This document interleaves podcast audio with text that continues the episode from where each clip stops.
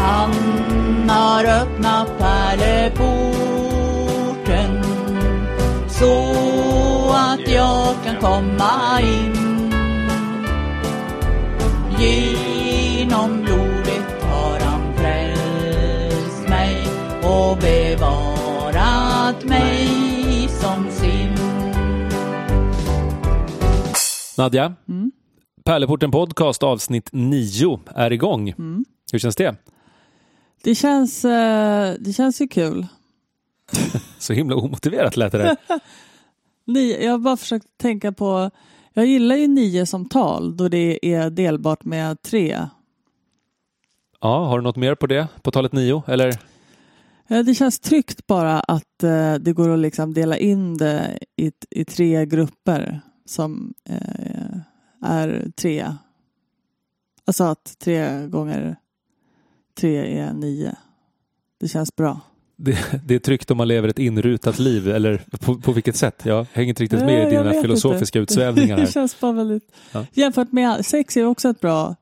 bra. Jag vet inte, det känns bara kul att, liksom, att det blir massa treor. Sen när man kommer upp till tolv så där känner jag inte samma trygghet på något sätt. Och då var det ändå 12 lärjungar. Exakt. Mm. Eller var det det? Det står ju skrivet så. Ja. Men man, och frågan är, kände Jesus sig trygg med de där 12 när han visste att en av dem där skulle... Förråda honom. Exakt. Jag tror han hellre ville att det skulle vara nio faktiskt. Tror du det? Då behövde han också bara boka bord för 18 personer.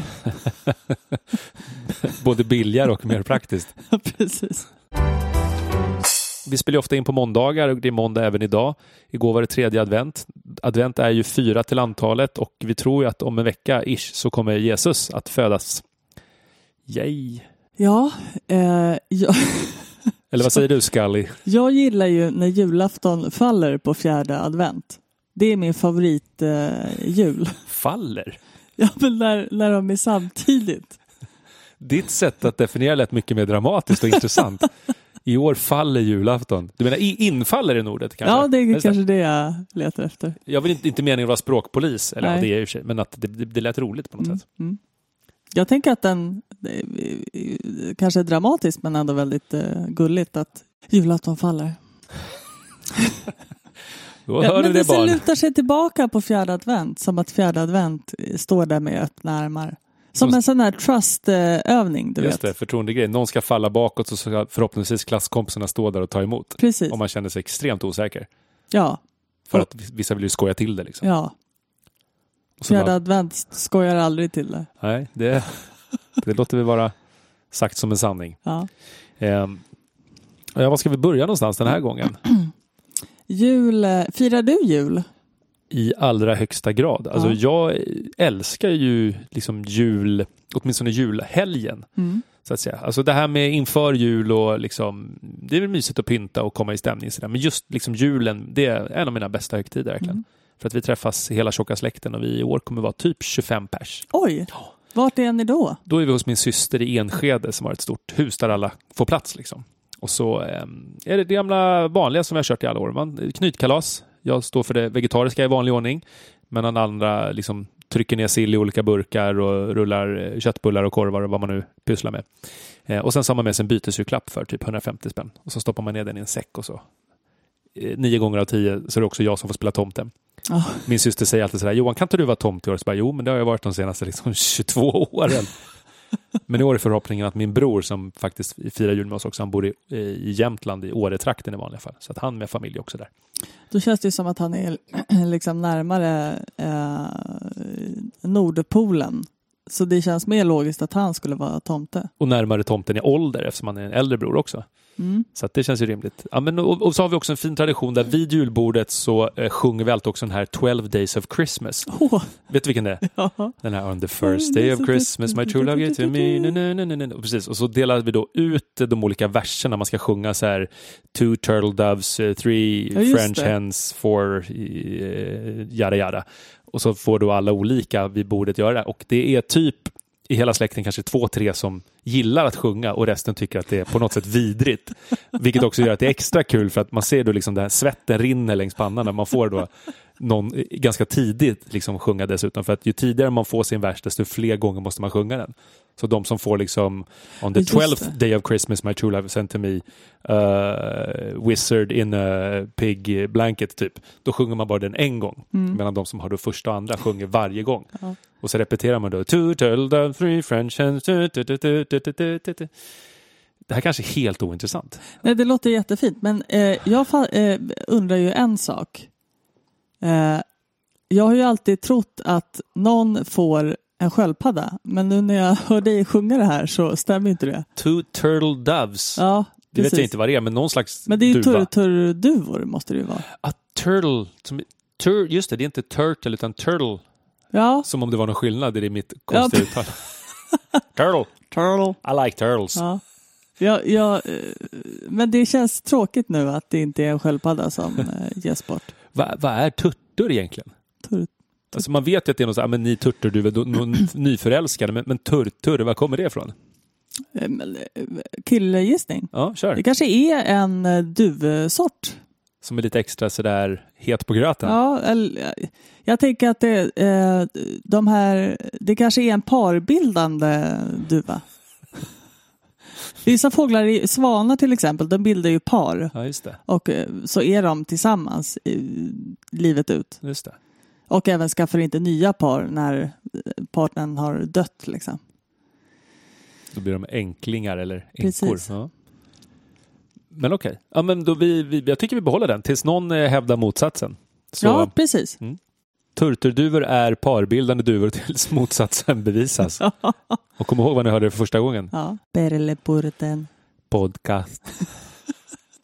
Jag måste säga att jag är lite avis på din jul. Den verkar så himla mysig. Och då har jag bara kommit till liksom, den delen av juldagen när vi sjunger den här sången. Det är det enda jag har berättat om julen hittills egentligen. Men okej, eh, berätta hur ser din jul ut? Vad gör du och vilka är ni och varför? Alltså jag har ju eh, eh, jag, slut, jag har inte firat jul sådär jättemycket i eh, livet. Jag slutade fira jul med min familj när jag var 17 och då började jag hänga med min bästa kompis. På julafton? Ja, Så att ni såg sig liksom inte alls då? nej, Det är ju otippat ändå. ja, Vad gjorde ni då? då? Alltså efter eller före. Ja, det får du välja själv. Ja, Eller alltså efter, alltså efter du bröt med familjen så att säga. Ja, alltså då, eh, jo, då var det så här att jag åkte hem till eh, min kompis och hennes mamma. Det var bara de två som firade. Och eh, vi åt lite mat. Jag förstörde julen varje år vid något ti- tillfälle. Och sen brukade jag och hon eh, dra till Debaser och fira där. Debaser Slussen för er som Åh, minns. Det minns vi. Men jag måste bara kolla. Du sa att vi förstörde julen varje år. Var det som en återkommande tradition? Att du liksom ruined Christmas varje år? Ja, precis. Aha. På något sätt. Det är ändå någon form av tradition då? Det var inte medvetet vill jag säga. Ah, okej. Ja. Nej. Så det var, jag gjorde något som gjorde att någon blev sur. Oj då. Ja, Ja, men Grinchen alltså. var väl lite omedveten. Det kan bli ditt smeknamn i juletid. Är det okej? Ja, det, ja mm. okej. Det är lugnt. Jag tar den. Okej, nej, det... Nej, men för nu senaste två åren sedan jag träffade min nuvarande sambo då, så har vi faktiskt firat eh, jul. Och det har varit lite trevligt tycker jag. Första året vi flyttade in i vårt hus så hade vi en julgran. Eh, vi tänkte skaffa en i år. Däremot så funderade vi på om vi ska skaffa en stor rumsgran istället. Eh, ur någon slags miljösynpunkt. Som man kan ha flera år liksom. Rumsgran, är det ett begrepp? Ja, en rumsgran är alltså en krukväxt som eh, är gjord för att vara inomhus. Eh, som står i kruka liksom. Men någon form av mindre variant då? Ja, alltså dels eh, de säljs ju i små så att de liksom är 30 centimeter höga eller någonting och ser en liten eh, växt. Men det finns också väldigt stora. Alltså de växer ju sig väldigt ståtliga och stora till slut. Men de är ju ganska dyra de stora. Det är som att köpa en jättestor krukväxt. Liksom. Men då har man den som Året står där år... Okej, Ja. men då måste man ha en enorm kruka väl? Jag tänker om det är värsta trästammen där nere. Men de är ganska nättare än en vanlig gran. Okej. Och deras eh, barr är mycket liksom mjukare och, så, och den ser inte riktigt ut som en eh, den är mycket glesare i sin, eh, sitt foliage. Kan man säga så? Ingen aning. Jag kommer inte på. Vad är det för ord? Men sitt eh, vad heter, bladverk. Alltså Foliage. gre- foliage. Deras. Foliage. foliage. Foliage. Visst är det så att man inte riktigt, eh, Jesus föddes inte riktigt i december liksom? Ja, jag vet inte riktigt om man överhuvudtaget vet det, men det var väl så att tidigare så var det någon slags semihednisk liksom solhögtid kring juletid och då tänkte man att det är bättre att vi applicerar kristendomsjulen där så att det faller bättre in i schemat. Så att det är väl en efterkonstruktion, men det är återigen, det är väl betydelsen av vad, vad Jesus barnets betydelse är så att säga, Mm. som är viktig, inte exakt vad som skedde vilken dag. Eller? Men jag tycker ändå att det kan vara bra att berätta. Ja, det är bra att berätta, men det är kanske inte så viktigt liksom. Nej. Eh, När Jesus föddes konkret. Sen vet man inte om det var 2000 år sedan heller, utan det är liksom Men jag tänker att eh, i det samhället vi lever i idag Det blir någon slags SVT-produktion där plötsligt. Vad fint. Eh, men jag tror- ändå att det är viktigt att berätta att vi faktiskt inte tror att han föddes den 25 december. Nej. Utan att det är Det var mer praktiskt så. ja, ja, men precis. Ehm, För sen så tänker man väl också att eh, när föddes Jesus egentligen? Det är, det är inte säkert att det var år noll, det vet man ju inte heller. Det kan vara plus Nej. minus sju år eller någonting. det, det, precis. 400 till 7... Nej. 4 till 7 före Kristus. År. Fyra, år 4 till 7 före Kristus. Tror jag man säger. Eller är det efter Kristus? Det, det, å, återigen, det där är också så här, det, det känns Ja. lite som att det kvittar. Men någonstans, det, det jag kan tänka här, det är när började man med tideräkningen? Det var ju Ja, inte så att liksom, det. de stjärntydarna så här, Jesusbarnet är fötts, nu är det år noll. Mm. Utan det här måste ju vara en efterkonstruktion och så bara så här, ja men vänta nu, hur många år sedan var det Jesus föddes ish? Ja men okej, då är vi på år 36 nu då. Ja. Killgissar jag mig till. Det Ja. här är säkert någon som vet och man har forskat sådär, men det är intressant, för jag vet faktiskt inte Nej, inte jag heller. vem som började med det. Vad var det som kastade? Vem var det? Det kanske var någon slags kalendermakare som tänkte nu finns det en hack att tjäna. Ja.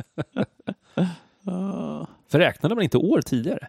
Ja, herregud. Jag har ingen aning. Jag vet Det inte. måste man ha gjort. Ja, det känns det- som att kineserna har väl alltid räknat olika drakens Ja, det år och eh, liksom skalbaggens år. Jag tänker också på de här fina soluren. Just det. Men de är, då är med dygnets timmar. Ja, det är det. Det är man- inte så mycket år. Men de måste väl ändå ha fattat då att man klockan går så att säga. Klockan Det var väl redan. Sokrates som sa det. Ja. Likt sanden i timglasen är dagarna i våra liv. Det kan ha varit någon annan som sa det, men visst känns det coolt att kunna referera någonting till Ja, ja, Sokrates? verkligen. Det blev så mörkt nu kände jag. Ja, tvärtom. Det var Jaha, mer ja. så här vilken upptäckt att liksom, Ja, du kände så? du kände mer så här våra dagar är räknade. Ja, typ. ja visst. Domedagen Ja, okej. för varje person. Om inte alla. ja.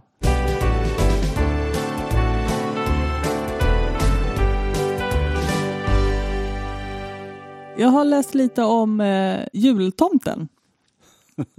Vad fint. Tack! Jag tyckte det var spännande. Eh, dagens, eller vår svenska jultomte eh, bygger ju på eh, vår gamla gårds, en morf av vår gårdstomte och Sankt Nikolaus. Och gårdstomten, det är de som bor i olika hus, eller man trodde på dem förr, som man satt ut gröten till. Eller? Precis, och så är de så här vresiga, så om man inte tar hand om hästarna så får man en örfil typ. Jaha, men, men var det att någon någonsin träffade tomten eller var det mer en folksägen eller myt eller vad det nu heter? Du menar gårdstomten? Ja, Nej, det var en, eh, liksom, en liten sägen, näcken-ish. Liksom. Vad vem- heter det? Folk... lore. Lore, ja precis. Folktro. Folktro. Folktro, Ja. Ja. Eller? kanske. Men vem var det som åt den där gröten man ställde ut då? Det är var också gårdstomten. Jo, precis. Men om det var så att man ställde ut gröt och någon har liksom tömt tallriken, vem var det? Var det olika Ja, råttor då? ja. Eller om det det fanns tror tomte? jag. Det var nog något djur som kom och snaskade. Men jag tänker också att det måste ju vara smart för det djuret som så här vid varje högt, eller varje djur så här, men shit, nu står det en, en skål gröt vid varje altan liksom. Mums. Ja. Ja. Jag kan tänka mig att det var någon slags pungdjur. Vad har vi för pungdjur i Sverige? Nej, vi har väl inga, det är det som är... Just det. Så himla oklart. Ja, men Ja, du, du hade läst på om tomten i alla Ja, fall? precis. Och sen var det då Sankt Nikolaus som faktiskt var ärkebiskop i gamla eh, dåtidens Grekland. Mhm. Eh, som låg då, då vid dagens Turkiet. Eh, Låg dåtidens Grekland vid dagens Turkiet? Ja, Vad var vi dåtid, vad var Grekland då, då? Var det någonting annat? Var det Osmanska riket? det vet jag faktiskt inte. Det tittade jag inte på. Ska jag sluta ställa såna här jobbiga följdfrågor? Ja. Jag känner att jag crampar din style hela tiden. Så, fan, jag inte... förlåt. Ta grek, grekgrejen från När jag början. läste om det här så passade jag också på att läsa om hela världens geografi år 200 till 300 efter Kristus. Det är intressant. Jag gjorde ju inte det. Aha. Nej. Det var som en pik till mig nu. För att, ja, just det. Ja, ja. Point taken. Ja. Eh, jo, men det, det, 200 eh, efter Kristus och i årtal var det här. T- år 200 efter Kristus födelse. Eh, så var Sankt Nikolaus ärkebiskop då i dåtidens Grekland. Eh, och han eh, är då eh, nutidens jultomte skulle man kunna säga. Han eh, var en, eh, ansåg, det var ju väldigt spännande gamla, ha- för han helgon förklarades för att han ansågs göra olika mirakel. Därav sankt. Precis, eh, och han är även barnet, eller barnens och eh, skeppsmännens, vad heter det, fiskar, fiskare och vad heter det, seglarfolk. Hjälp mig här, båtpersoner. Sjömän. Ja, tack!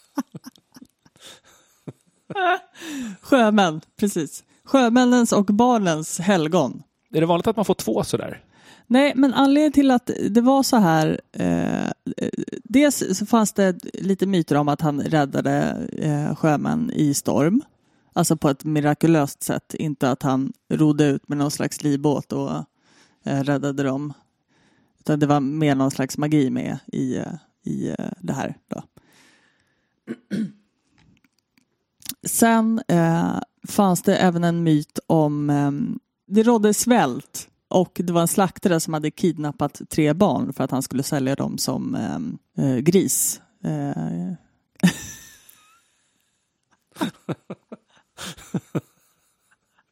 Ja, här har vi tre grisar. Nej, jag är ingen gris. Jo, tyst nu. eh, han dödade dem däremot. För att kunna sälja, alltså sälja dem som matgris. Vad heter det? Skinka? Och han dödade dem. men Hur, hur, hur kunde tomten rädda dem då? då? Jo, för att, nej men inte, tomten, Sankt Nikolaus. Ja, just det. Ja, precis. Han återupplivade dem. Jaha. Ja, eh, och då har han då... Eh, och det här, jo, men det här är en ganska känd historia. Och det var så här han blev barnens skyddshelgon. Eh, eh, och han har även porträtterats i olika konstverk. Så här, som han står framför den här stora eh, baljan där de har varit döda. Liksom, och eh, återupplivar dem. Vilken morbid historia. Ja, Hemsk. ja. Kan den inte räddat dem innan de blev slaktade? Spelar det någon roll egentligen? Ja, men lite så. Gör det? Ja, men, ja. Det beror på hur snabbt de dog. ja precis. Ja, men eh, han är i alla fall ligger till grund för eh, tomten. Då, då. Han var också väldigt givmild och gillade att ge utan att liksom ta cred för det. Utan, Men gav han då olika julklappar eller? Eller vad var ja, grejen? han, ja, men han gav mycket pengar till fattiga och så där. Han fick ett stort arv av sina föräldrar som han gav bort. Och, Men är då våra julklappar någon slags hybrid av stjärntydarnas gåvor och Sankt Nikolaus liksom givmildhet? Eller? Jag tror det. Jag kan gissa. det är härligt att vi, ja, vi kan gissa oss till. Vi killgissar Ja. oss till det. Mm. Ja. Det här, det här är kanske inte den officiella liksom, hållningen som, som Svenska kyrkan har. Eller, utan det här är mer att vi ja, vi har... sitter och gissar oss Ja, vi till gissar, ja. Det är väl det som är halva... halva grejen. Jo, eh, det mest spännande med Sankt Nikolaus var att man trodde att han kunde vara på flera ställen samtidigt. Lite som våran jultomte då, som åker världen runt till alla barn typ. Eller? Jag tänker ju att jultomten kanske inte kan vara på flera ställen samtidigt utan bara är väldigt snabb alternativt reser i tiden. Mm. Jag tror snarare på någon slags tidsresa där faktiskt. Eller? Ja, jag vet inte om jag reflekterat över det. Det känns ju bara som att tomten har mycket att göra på julafton. Om det är många miljarder barn kan det finnas? Ja, ja väldigt många. Mm. Men du tror inte mer på tids, uh, tidsresa? Ja, jag har nog aldrig reflekterat över Nej. det. Det kan ju snarare vara att eh, tomten har olika nissar. Ja. Men det är ju tomten ändå. Sankt Nikolaus är någon annan, eller vadå? Nej, men jag nej, nej, den här gårdstomte slash Nikolaus-personen. Mm. Ja. Du får ingen känsla för det ifall det är hur han hinner med. Nej, jag tänker att det är lite som med religionen också, att vissa saker kanske man bara ska... Det är trons mysterium. Ja, men verkligen. Detta är tomtens mysterium, säger man i, den kristna julkyrkan. Ja, Det är Ja. fint. jag tror att det är tidsresor. Ja. 100 procent. Ja, du måste ha någon slags sista ordet här. Ja. Ja. Skallig-ordet. Ja, Skallig ja just det, skallig. Jag tänkte ska, skallig-Per. Skall. En hybrid mellan Ja. Allan Edwall och Gillian Anderson. Skallig-Per.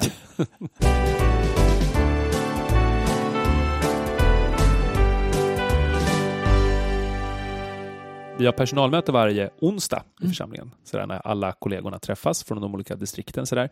Eh, och ibland så är det full fart i kyrkan där vi typ har mötet. Och nu i onsdags så var det fullt pådrag. Det var olika skolklasser som jag tror hade någon form av repetition inför julavslutningen. Eh, och då så hörde jag en eh, lärare eller pedagog prata med en av eleverna eh, och så sa så där namnet på eleven som jag inte kommer ihåg. Du, du måste ta av dig luvan. Och barnet sa, ja varför då? Nej men det, det är förbjudet i kyrkan, du får inte ha luva på dig. Mm. Och det var så nära att jag skulle gå dit liksom att på något sätt tillrättavisa den här pedagogen. För det, apropå de här alla fördomar vi har pratat om tidigare, att, att det finns då onekligen den fördomen att i kyrkan så får man inte ha luva på sig för det är förbjudet. Mm. Alltså, var kommer det ifrån? Är det inte ofattbart? Det är jättekonstigt. Att det fortfarande existerar. Visst att det har funnits en, liksom en tradition av att män tar av sig hatten för att visa någon slags vördnad, men det är också det är länge, länge sedan som det var på det sättet. Mm. Att, liksom att det, det finns alltid de här, en slags eh, regelverk man måste följa. Och då pratade jag med vår kollega som är präst, Sara, om det här. Och då berättade hon en gång att hon hade haft en, eh, en förrättning, jag kommer inte ihåg om det var dop eller begravning eller vad det var. Där efteråt så hade ett barn kommit fram till henne och sagt så här, du, jag tror inte på Gud. Och då hade hon sagt så här, ja, nej, men varför inte det? Nej, för att man får inte ha keps i kyrkan.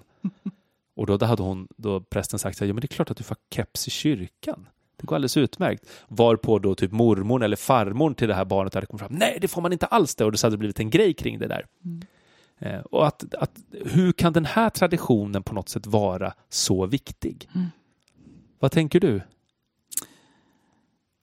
Alltså det att, att eh, jag kommer ihåg när jag var liten och hängde med min kristna bästis. Alltså där klädde man ju upp sig när man gick till kyrkan och gjorde sig jävligt fin och hade du vet tjusig klänning och sådär. Och det är väl en gammal, eh, jag tänker i skolan får man inte ha keps eller mössa på sig. Vilket också är lite konstigt eller? Men så är det väl inte fortfarande, eller? Ja, det var så när jag var liten. Ända upp i gymnasiet. Ja. Eh, jag vet inte varför. Eh, det måste ju ha haft någon praktisk funktion väldigt långt tillbaka i tiden. ja, Eller? eh, säkert. Eller det vet jag faktiskt inte. Det här med att inte ha mössa på sig i skolan eller sådär, det, vad fan kan det vara för praktiskt? Det är väl mer, tror jag, bara en sån här gammal grej som man är så här, "Ah, men det där ska man inte ha. Sen så ställer någon frågan, men varför? Ja, precis som vi är nu. Ja. Man vet inte riktigt. Men, men det är ju så som vi har de olika religionerna, att när man går in i liksom en synagoga, den här judiska kyrkan, så sätter man på sig en liten Mm. keppa för att liksom skydda sig mot Gud, för Gud är så stark. När man går in i moskén så tar man av sig på fötterna för att det är helig mark. Och gamla traditioner, då, när man går in i en kristen kyrka, tar man av sig på huvudet för att visa vördnad. Mm. Men det är också en sådär, det liksom på något sätt känns som att det tillhör den gamla skolan. Och det är klart att det är onödigt att stöta sig med folk i onödan, men om det visar sig att de här barnen då blir liksom stötta av att här kan du inte komma och vara som det är, utan här måste du då ta av dig kepsen eller ta av dig luvan för att det är förbjudet i kyrkan. Då vill man ju också veta vem är det som på något sätt idag som spär på de här liksom myten eller vad man ska säga. Ja. Och det finns ju såklart att man måste visa vördnad och det sa en annan kollega också där, men om man är i, i en katolsk kyrka i utlandet då finns det liksom, eh, ja men då kanske man inte ska ha bara axlar och liksom inte bara knän och så vidare för att det är liksom traditionen i det landet och det får man väl på något sätt ändå respektera Ja. att det ser olika ut men att när det handlar om våran kyrka som vi vill, vi vill ju avdramatisera kyrkan på så många sätt som möjligt. Mm. Då kan ju inte vi fortfarande gå och presentera en bild av att här får man inte ha mössa på sig eller inte ha luva på sig. Nej, det är ju orimligt. Vi lekte ju 15 i kyrkan när vi hade våra konfirmander här för några veckor sedan. Den här kurragömma-leken. En, eh, en räknar till 15 och så springer alla och gömmer sig. Och sen så då får den här personen ta 15 steg och försöka hitta folk. Mhm. Och när den här personen har tagit 15 steg, då börjar den räkna från 14 istället. 14, 13 och då måste alla springa fram och kulla den här personen i ryggen och få en ny chans. Och sen så får den då ta 14 steg där den befinner sig då, så man måste hela tiden liksom byta gömställen. Och sen till slut blir det 13, 12, 11 så blir det svårare att hinna gömma sig mellan räkningarna. Jättekul. Mm. Men också ett sätt att visa på att här kan man också göra på det här sättet i kyrkan. Och för dem blir det lite så här, "Jaha, det här visste vi inte att man kunde få göra. Nej, det är väl klart om det finns lärare som säger att här får man inte ens ha luva på sig. Nej, precis. Märker att jag blir lite, nästan lite arg i Ja, min det ton här? Men varför sa du ingenting till den här? Dels jag var på väg till ett möte och sen vet man inte vad händer om jag går in och rättar en, liksom en lärare Ja. i det sammanhanget. Det kanske var en speciell relation med det här barnet. Det vet jag ingenting om. Mm. Däremot skulle det varit så att jag hade varit den som på något sätt var delaktig i den här repetitionen eller skolavslutningen eller vad det nu var. Då skulle man också kunna ta ett annat grepp kring det. Och det, det gör ju alla vi som jobbar med barn på ett eller annat sätt i kyrkan eller ungdomar, att man också visar att det här är eran kyrka. Kom som ni är. Ja, men, eh, ja, men det, det störde mig lite faktiskt. Ja, men det förstår jag. För det sätter en bild av kyrkan som liksom kom inte här och kom. Finns det fler sådana eh, fördomar kring vad man får och inte får göra i kyrkan? Jag kommer ihåg att när jag var liten så fick jag inte ha händerna i fickorna när jag gick in i en kyrka. Mm. Och det var min pappa som sa, alltså prästpappan. För att det tyckte han då var lite sådär, ja men nu visar du inte vördnad. Mm. Och jag var såhär, nej. Nej. Och det var det tråkigaste man visste att gå in i kyrkan liksom. För där skulle Ja. man alltid sådär, nu får du uppföra det. Ja, men jag vet inte om det finns så många fler sådana. Nej.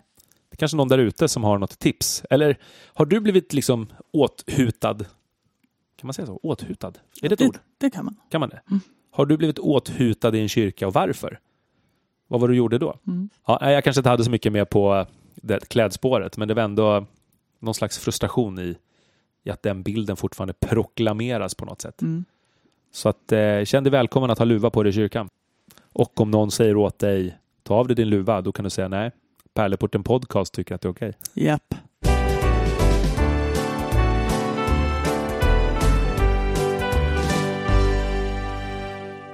Jag har försökt att göra mig på en liten biblisk eh, överlevnadsguide till julen. Oj, intressant. Ja, eh, då jag ofta får höra att eh, man sitter där vid julbordet och så har man ett gäng släktingar som man aldrig träff, träffar. som man aldrig träffar och som är lite eh, special. Lite eljest. Ja, precis. Eh, så här, rasist-Åke och snåljåp Emma, liksom. Eh, 70 plus och. Du skulle kunna dra till med ett äldre namn än Emma där tänkte jag. Ja, jag tänkte också det, men jag kom inte på något sådär på rak arm. Det är alltid Agda när man pratar om en tant. Liksom. Ja, just det. Tant Agda. Ja. Ja, det blev Emma. Ja, men hon kan också vara en snåljåp. Det, ja, det kör vi på. ja. Men eh, hon kanske är yngre då, det vet vi inte. Ja. Hon kanske är 30, kusinen. Men så jag har då fyra stycken eh, personer här som man eh, kan träffa vid julbordet. Som I jag, ditt scenario, ditt fiktiva ja, scenario. mitt, min fiktiva familj då. Eh, som man träffar på. Eh, och, och då är det rasisten, eh, snåljåpen, eh, mansplainaren och den överförfriskade. Jag har hittat eh, några bibelcitat som man då antingen kan eh, meditera över när eh, den här personen öppnar munnen eller eh, köra en liksom comeback med. Kan namedroppa lite bibelcitat till de här personerna. Förstår du vad jag menar? Verkligen. Mm. Snyggt. Ska Ja. vi, vilken vill du höra först? Ja, men, eh, Har, har du någon av de här på ditt, vid ditt julbord? Det kanske man inte vill outa i och för sig. Eller har du varit med om något? Ja, men, här, du vet. Jo, men överförfriskad, det, det har jag nog varit, varit med om. Ja, Sådär. Men, eh, men då är ju frågan om eh, hur pass väl ett liksom, väloljat bibelcitat faller in på den överförfriskade. Är den då kapabel att liksom, ta in det här i sitt hjärta och begrunda det? nej. Eh, det har jag faktiskt tänkt på. För det var det svåraste att hitta. Ja. Eh, jag har hittat en, eh, ett bibelord i Ordspråksboken. Som man kan läsa upp innan man börjar dricka, har jag tänkt. Ordspråksboken det är också en rolig del av Bibeln. Ja, den är helt galen skulle man kunna säga. Det står så mycket konstiga ordspråk där så att eh, läs, alltså gå in och bara läs, du kommer garva läppen av det. Det är Ja. otroligt kul. Här, här kommer ett då om, om alkohol. Ordspråksboken kapitel 23, vers 29. Vem jämrar och stönar? Vem grälar och bråkar? Vem skaffar sig onödiga sår och får simmiga ögon? Den som blir sittande vid glaset, den som kommer för att smaka det kryddade vinet. Se inte på vinet som skimrar rött, som glittrar i bägaren och rinner ner så lätt. Till slut biter det som en orm, hugger som en giftorm. Då ser du underliga syner och får befängda idéer. Än ligger du mitt ute i havet, en högt uppe i mastkorgen. Det slog mig, men det gjorde inte ont. Jag fick stryk, men märkte det inte. När skall jag vakna? Jag vill ha mer. Oj, Ja, bra inlevelse. Tycker jag. ja tack. Den kan man ju köra sådär äh, som en start. Det där är ju nästan så att istället för att läsa julevangeliet på jul så kan man läsa den där delen av ordspråksboken till julbordet. Ställa sig upp, plinga glaset och så göra någon slags ranelid. Men, eh, men vad ska vi säga om den där då? Det var någonting om att man, man vaknar i mastkorgen. Ja, Är det att man har blivit så full så att man liksom inte vet hur man tog sig upp i mastkorgen typ? Men för, för det jag tycker är, är lite konstigt är ju att det verkar ju som att man ehm, eh, det, är ju, det kommer ju lite, det tar en lite på sängen att man helt plötsligt är ute i havet eh, och är uppe i mastkorgen. Så jag tolkar det som att man liksom börjar dricka någonstans eh, lite glögg här, eh, kryddat vin, tänker jag, det är ju någon slags glögg. Ja, men det känns rimligt. 100 procent. eh, och, och, och så eh, slutar det med att man är ute till havs. Liksom. Hade du något mer då, förutom eh, den förfriskade personen? Ja, vi har ju Åke, Ja, rasisten. rasist-Åke, nu ska du få höra. Rasist-Åke. Det här är då eh, från eh, Tredje Mosebok. Old school. Tredje Moseboken, kapitel 19, vers 33. Om en invandrare slår sig ner i ert land skall ni inte förtrycka honom. Invandraren som bor hos er ska ni behandla som en infödd. Du skall älska honom som dig själv. Ni var ju själva invandrare i Egypten. Jag är Herren, er Gud. Den här är då meningen att man ska kunna liksom droppa lite, tänker jag. Den är ju väldigt bra. Mm. Eh, och ganska tydlig också. Mm. Att till och med Jesus var ju också liksom invandrare. Även om det där är skrivet i Mosebok så kan man också ha det som argument eftersom Jesus familjen fick ju fly till Egypten efter Ja. liksom Herodes var ute efter dem. Så att, eh, det är bra att det står på flera ställen i Bibeln till och med. Precis. Eh, ja. Ja, men tydligt. ja, ganska va? Men vad kommer Åke svara på det där då? Alltså han kommer ju... Eh, jag tänker så Åke är ju också ganska kristen. Tror du inte det? Ja, men hur funkar det? Kan man vara kristen och rasist? Eller det är klart man kan kalla sig, men då har man ju lite missuppfattat vad allting handlar om. Ja, absolut. Eller det kanske man kan. Det är bara att det, man, man har en speciell take på det hela. Ja, men det, jag tänker så här att det kanske har varit... eh, Förr i tiden kanske det har varit lite så här vi och dem-känsla bara. Tror du inte det? Mellan, Ja, mellan eh, kristna och andra religioner. jo, men så kan det väl finnas i allra högsta grad även i våran tid. Ja, men, absolut. Men då är man väl lite ute och cyklar om man Ja, det använder religionen verkligen. som argument för att få utöva någon slags rasism. Eh, och det är väl lite... eh, Vi har ju pratat om traditioner och så förut. Att äldre personer kanske håller på sina traditioner ganska mycket och lite rädd att, att bli av med dem. Tror du på det? Du tänker att rasism i sig är en tradition? Att inte få sitta och spotta och spy lite över olika folkgrupper på jul. Kanske. Åke. Ja, Åke, du får nog ta skärpa till det om vi ska kunna definiera dig som kristen. Ja, verkligen. Jag har se- eh, två kvar här. Eh, vi kör eh, mansplainaren. Mm. Okej, det här blir intressant. Ja, här var det ju eh, väldigt svårt att hitta någonting i Bibeln som eh, Behöver vi förtydliga vad en mansplainer är? Ska vi mansplaina menar du? Mm. Du är lite meta. Det blir meta. En mansplainer är alltså en man som förklarar någonting för en kvinna eh, som hon redan vet om. Eh, skulle man kunna säga, kort och gott. Men det måste vara för en kvinna. Eller kan en man mansplaina en annan man? Ja, du tänker så ja. Men det handlar väl mycket om det här med lilla gumman. Ja, jag har faktiskt Precis. koll. Jag vet har hur det koll. är. Ja. Eh, och då Bibeln är lite byggd på att eh, kvinnor är dumma i huvudet eh, så var det svårt att hitta eh, ett bra eh, bibelcitat. Men jag hittade ett från ehm, den engelska bibeln. Nya King James-översättningen. Väldigt specifikt här, men jag Den kollade, gamla faktiskt, översättningen. kollade i flera biblar. Och det var den här som gällde.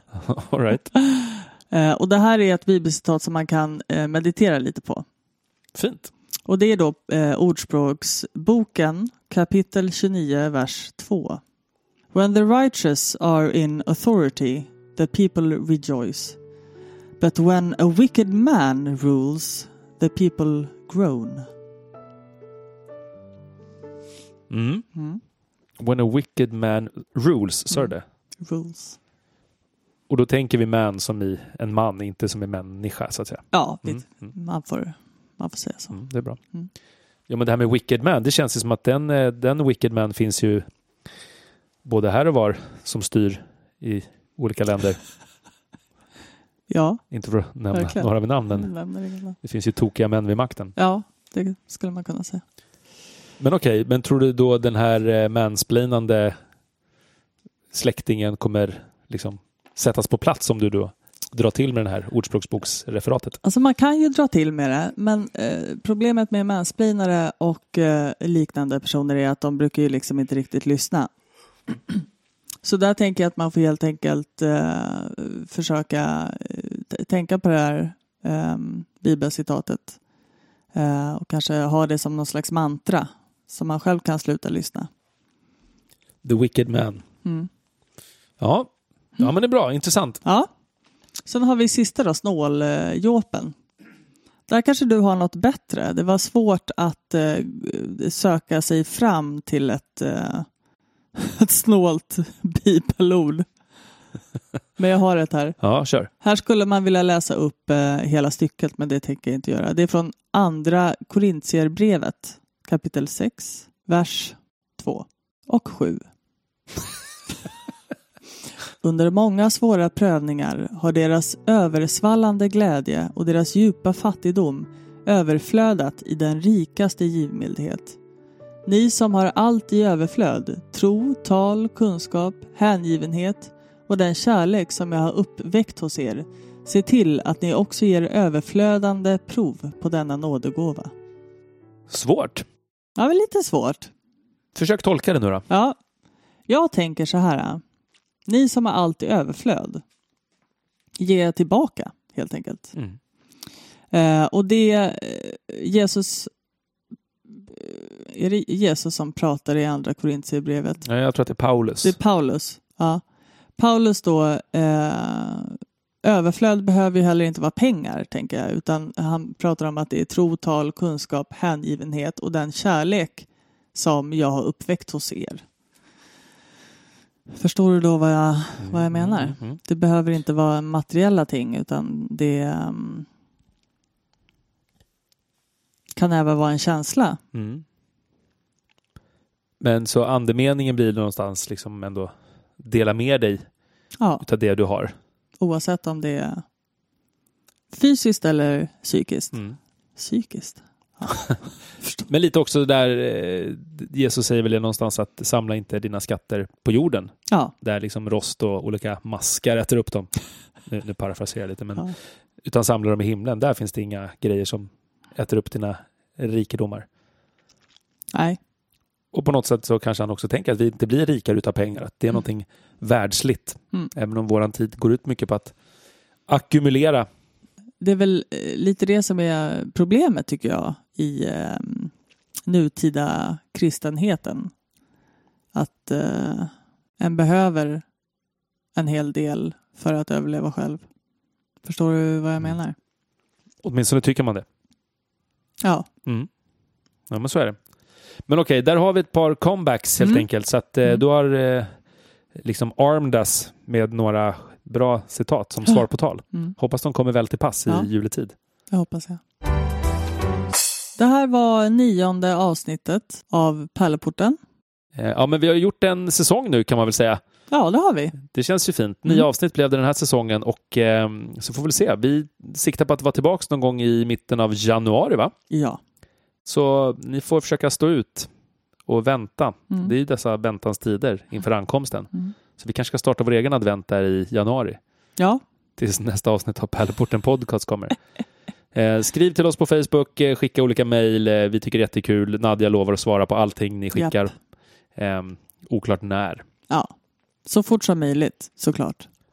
Och eh, gå gärna på någon gudstjänst sådär ute i juletid och eh, berätta om hur upplevelsen var. Det kanske vore jättespännande om någon åker till någon liten så här obskyr liten ort och firar en sån här liten ortskyrka där det kanske ser på ett helt annat sätt ut än vad vi är vana vid. Mm. Så att olika upplevelser från julefirande i kyrkor eller nyårsfiranden. Det är ju härligt. Jättekul. Ja, men Nadja, hoppas du får en god jul och ett gott nytt år och att du får eh, hårda paket och mycket vila. Eh, ja, detsamma. Eh, god jul alla där ute. Och ett eh, gott nytt år. Tänd ett tomtebloss eh, och eh, var glad. Hepp.